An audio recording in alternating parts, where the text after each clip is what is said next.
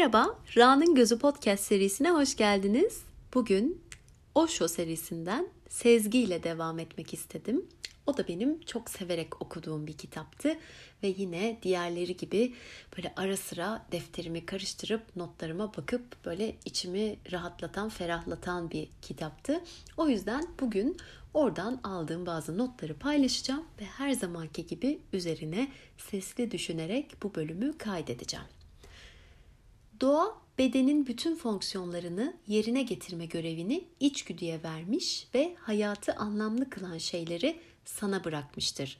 Çünkü sadece var olmanın, hayatta kalmanın bir anlamı yoktur. Hayatına anlam katabilmek için kalbine sezgiyi vermiştir. Senin bu sezginden sanat, estetik, sevgi, dostluk gibi olasılıklar ortaya çıkar. Bütün yaratma edimleri sezgiseldir.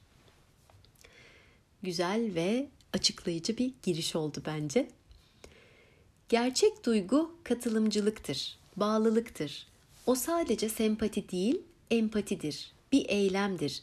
Kalbinde gerçekten bir şey hissettiğin zaman seni hemen değiştirir ve eyleme yöneltir. Kriter budur. Duygunun eyleme dönüşmesi gerekir. Eğer içindeki duygular sadece duygu olarak kalıp eyleme dönüşmezse o zaman onun sahte olduğunu anlarsın. O zaman sen sadece kendini ya da bir başkasını kandırıyor olursun. Çok katılıyorum. Bu hani söz ve davranışın uyumlu olması konusunda da güven konusunda da bence çok önemli bir kriter.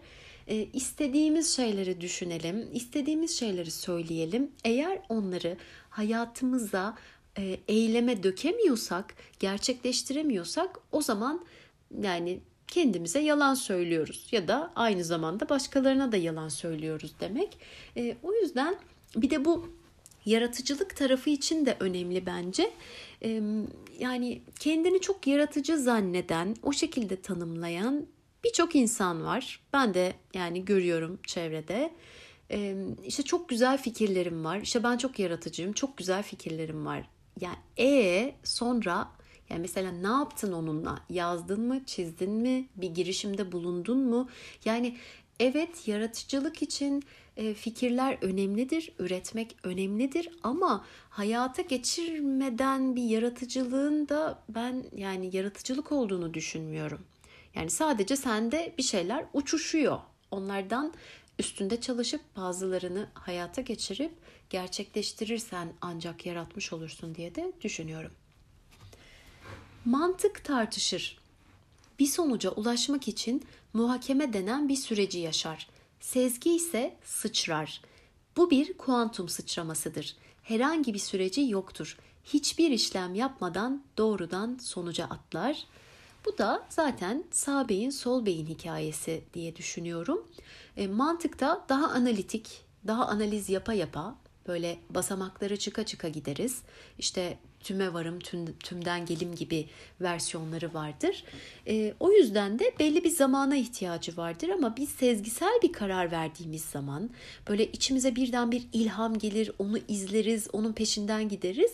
Zaten şöyle hikayeler anlatırız. Bir anda geldi ve hemen pat pat pat her şey üst üste geldi. Çorap söküğü gibi gerisi geldi. Şunu yaptım, bunu yaptım, onu aradım. Tam da karşıma böyle biri çıktı gibi. Sanki evren böyle her şey el ele vermiş biz o işi yapalım oraya doğru gidelim diye bir işbirliği içindedir. E, o yüzden bu kuantum sıçramasıdır e, şeyine de neredeyse katılıyorum. Çok da kanıtlayamamakla birlikte. Mantığının tükendiği bir köşede kapana kısıldığın zaman sakın umudunu yitirme. O anlar hayatının en lütuf duyacağın anları olabilir. Tam o anlarda sol lob sağ loba yol verir. Beyin loblarından bahsediyor. İşte o zaman dişi kısım, her şeye açık olan kısım sana bir fikir verir. Eğer onu izlersen karşında birçok kapı açılır. Ancak bunları kaçırma olasılığın var. Bunlar boş şeyler diyebilirsin. Hmm. Şimdi burada bir eril dişil taraflardan bahsedeceğim. Eril taraf dediğimiz mantık tarafı, matematik tarafı, analiz tarafı. Dişil taraf dediğimizde daha sezgisel, daha yaratıcı, daha duyguların yer aldığı taraf. E, bu şeyle karşılaştırılmasın yani karıştırılmasın. Eril dişil herkesin içinde, tüm canlıların, tüm varlıkların içinde olan bir şey. Bizim kadın ya da erkek olmamız e, ya da cinsel yönelimlerimizle ilgili bir şey değil diyerek böyle bir parantezi kapatayım. Şimdi burada mantığımızla gittiğimiz bir şey vardır ama bize bir sezgi, bir ses, bir iç ses neyse başka bir şey söylüyordur ve oradaki yol ikiye ayrılıyor. Ona kulak verecek miyim, vermeyecek miyim? Aman bunlar saçma ben tamamen her şeyi mantıkla mı yaparım diyeceğim. Orada kendimize yakın durmamız, o sesi iyi duymamız ve onu değerlendirmemiz gerekiyor. Her zaman çok kolay değil ama ben kendi dünyamda şöyle bir tecrübemi paylaşabilirim. Sen o sese kulak verdikçe o ses daha berrak, daha net bir sese dönüşüyor. Sanki şöyle bir şey. Sanki o da sana küsmüyor ama sen onu dinlemez ve bastırırsan artık o da seninle konuşmuyor. Dinleyip değer verip kulak verirsen de sana daha net, daha e, tane tane şeyler söylemeye başlıyor ya da sen daha net duymaya başlıyorsun ve sana daha doğru yollar çıkarmaya başlıyor. Bu da bir pratik aslında. Yani ona ne kadar e, yaparsak, ne kadar sık e, kulak verirsek bizim için daha net şeyler söylüyor diye düşünüyorum. Kendi dünyamdaki tecrübe bu şekilde. Sadece zeki olmayan insanların programı vardır. Onlar korkar. Hayatı olduğu gibi karşılamak için yeterince zeki olmadıklarını bilirler. Hazır olmaları, prova yapmaları gerekir henüz soru sorulmadan bir yanıt hazırlamaları gerekir ve bu sayede aptallıklarını ilan ederler. Çünkü sorular asla aynı olmaz. Sorular her zaman yenidir. Zeka ise hazırlıksız bir şekilde gerçekle yüzleşmektir. Hayatın karşısına hazırlıksız çıkmanın güzelliği inanılmazdır. O zaman hayatın bir yeniliği, tazeliği, akışı olur. Hayat sana birçok sürpriz sunar. Şimdi daha cümlenin başındayken sadece zeki olmayan insanların programı vardır derken ve ben bunu sesli sesli söylerken kendime aptal demiş olur muyum? E, ben buna yüzde yüz katılıyorum diyemeyeceğim. Haklı olduğu tarafları var. Şöyle e, yani programlı olmak birincisi kötü değil.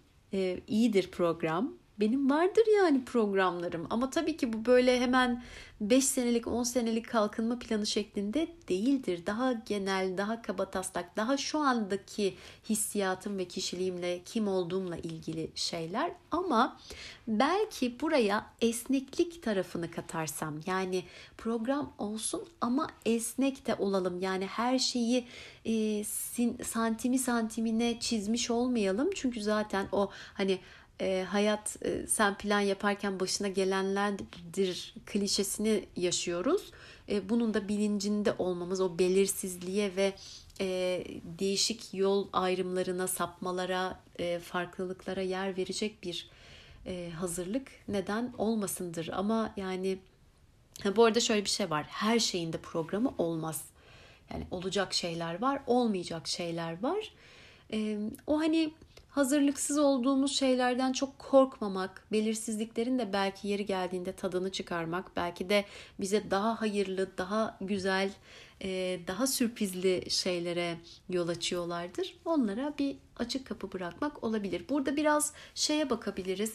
E, çok mu aşırı takıntılı bir şekilde programlar yapıyoruz. Günlük hayatımızda da olabilir, daha uzun vadede de olabilir ya da bir programımız aksayınca, bozulunca herhangi bir sebepten, karşı taraf yüzünden, işte hava yüzünden, bizim bir şey yapamamamız yüzünden nasıl tepki veriyoruz? Çok mu bozuluyoruz? Çok mu böyle tahammülümüz olmuyor? Yoksa onu da gayet e, esnek bir şekilde karşılayıp sonrasına mı bakıyoruz? Bu bizim için önemli bir bakış olabilir. Hayat kalptedir. Hayat sadece kalp üzerinden gelişir. Sevgi, hayat ve tanrısallık sadece kalbin toprağında yeşerir. Bütün güzellikler, bütün gerçek değerler, anlamı, önemi olan her şey kalpten ortaya çıkar. Kalp senin merkezindir. Kafa ise çevren. Kafada yaşamak merkezdeki hazinelerin ve güzelliklerin bilincinde olmadan sürekli çeperde yaşamaktır.'' Bu çeper üzerinde yaşamak aptallıktır. Sahip kalptir ve kafa sadece hizmetkardır. Zeka budur. Kafa sahip olup kalbi unuttuğu zaman buna aptallık denir. ya ne kadar çok aptal diyor.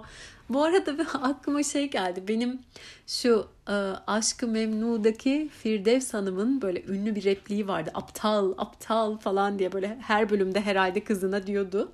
E, benim de öyle bir tişörtüm var. Üstünde Firdevs var ve kocaman aptal yazıyor. Ara sıra giyip dolaşıyorum onunla. Çok seviyorum o tişörtümü. Bazen de böyle arkadaşlarla o tişört çok ünlü oldu. Ee, işte birinin hakkında konuşurken e, şey diyoruz e, işte ben ona o tişörtten bir tane yaptırayım ya falan diye. Ama yaptırmıyorum tabii ki böyle bir şey. Burada adam çok fazla aptal aptal aptal deyince yani ne kadar rahat diyor. Acaba bu kadar da rahat mı olmak lazım? Kalbinden geliyorsa yap gibi. Neyse. Ee, bu çeperde yaşamak, sürekli zihinde yaşamak zaten bence çok yorucu bir şey. Ee, yani bir organını kapatmışsın gibi o kalbine kendini kapatıyorsun gibi iç sesine, içeriden gelen şeylere kapatıyorsun. E, yarım yaşıyorsun gibi bir şey ve çok yorucu. O yüzden orada da dengeyi sağlamak. Yani ben her zaman şeyi düşünüyorum yani hep podcast'ın başka bölümlerinde de zaten çok tanıdık gelecektir. Hiçbir uçta olmaya gerek yok. Kendimize göre en uygun dengeyi bulabiliriz ve işte kalbinin sesini dinle ama hani beynini de birlikte yanında götür, yanınızda olsun, aman dikkat et falan gibi bir yaklaşımım var burada. Ne tam orada ne tam burada. Arada bir yerde ikisinin yeri ve zamanı vardır. İkisine de böyle kulakları kapamadan, gözleri kapamadan bence bir denge tutturabiliriz. Sen hayat tapınağına girmeden etrafında dolaşıp duruyorsun. Kapıysa kalptir. Unutma bu sıçramayı yapmak zorundasın. Düşünceden duyguya geçmelisin. Duygu senin içinde var olan ve sezgi olarak tanımlanan şeye daha yakındır. Düşünmekse sezgiden en uzak olan noktadır. Sana hep başkaları hocalık yaptı. Bu bilgi almaktır. Başkası tarafından öğretilmemiş ve içinde yeşeren şey ise sezgidir. Buna katılıyorum. Ee, ben de kendi hayatımda verdiğim ve iyi ki böyle yapmışım, iyi ki bunu seçmişim dediğim bütün kararları diyebilirim, bütün hayati ve önemli şeyleri o sezgisel taraftan gelen şeyle yaptım. Ya tabii ki sıfır mantıkla ilerlemedim ama o sezgi de beni çok destekliyorsa, çok yüreklendiriyorsa o tarafa doğru gittim, o kararı verdim ve pişman olmadım. Ama e, yani e, bu da böyle bir anda tamam o zaman bugünden sonra bunu yapayım dediğimiz zaman hemen olacak bir şey değil. Bunun bazı yolları var. Birincisi kendimize yaklaşmak, kendimizi duymak, kendimizi dinlemek, kendimize kulak vermek, kendimizle yalnız kalmaktan korkmamak. Zaten yalnız kalmaktan korkarsam, araya başka şeyler katarsam, sürekli kendimi susturmaya çalışırsam, bastırırsam hiçbir zaman bana söyleyeceği şeyleri, vermek istediği mesajları bana e, işte gelen ilhamları falan duyma bilme şansım olmayacaktır. Biliyorum bunları farklı farklı bölümlerde de çok tekrar ettim ama bunların hepsi gerçek. Benim bildiğim yol bu yani. Başka alternatif bir şey bilen varsa bize haber versin. Ben de buradan paylaşayım. Ne zaman bir ikileme düşsen ve çıkış yolu bulamazsan düşünme. Sadece derin bir düşünememe halinde bulun ve iç rehberinin sana yol göstermesine izin ver. En başta korkacak ve güven duymayacaksın.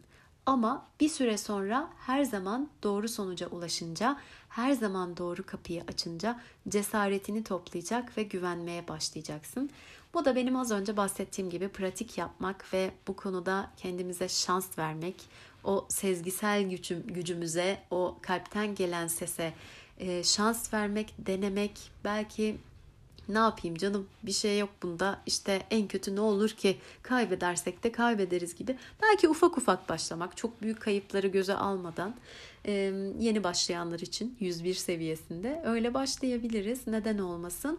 Ve e, bu hani ikileme düşüp çıkış yolu bulamamak durumu da zaten genelde şöyle oluyor. Mantıken, mantık tarafından hesaplayarak, matematiğini yaparak, analitik düşünerek düşündüğün zaman bazen şöyle şeyler oluyor. İki seçenek var. Fark bulamıyorsun ama birini seçmen gerekiyor. İşte öyle durumlarda kendini susturmak, hesapları bir kenara bırakmak, içeriden hangisi sana daha sıcak geliyor, daha yakın geliyor, daha iyi hissettiriyor gibi bir şeyle anlık ama böyle çok düşünmeyeceksin kendine. 2-3 saniye vereceksin, orada karar vereceksin ve ilk kararını uygulayacaksın gibi bir yöntem önerebilirim. Denenebilir, bakılabilir bir fikirdir ama burada en önemli şey bütün bu bahsettiğim notlar ışığında kendimize dönüp ben ne kadar zihindeyim, ne kadar kalpteyim, hiç sezgisel tarafı dinliyor muyum, kulak veriyor muyum, ne kadar veriyorum gibi bir analiz yapmak. Bunu mantıklı bir şekilde yapabiliriz. Sonrasında da önümüze çıkan fırsatlarda, karar vermelerde, işte seçmelerde bunu uygulamaya almak ve hayatımıza entegre etmek bize yardımcı olabilir. Diyerek bu sezgi bölümünü burada bitiriyorum. Sonraki bölümlerde görüşmek üzere. Hoşçakalın.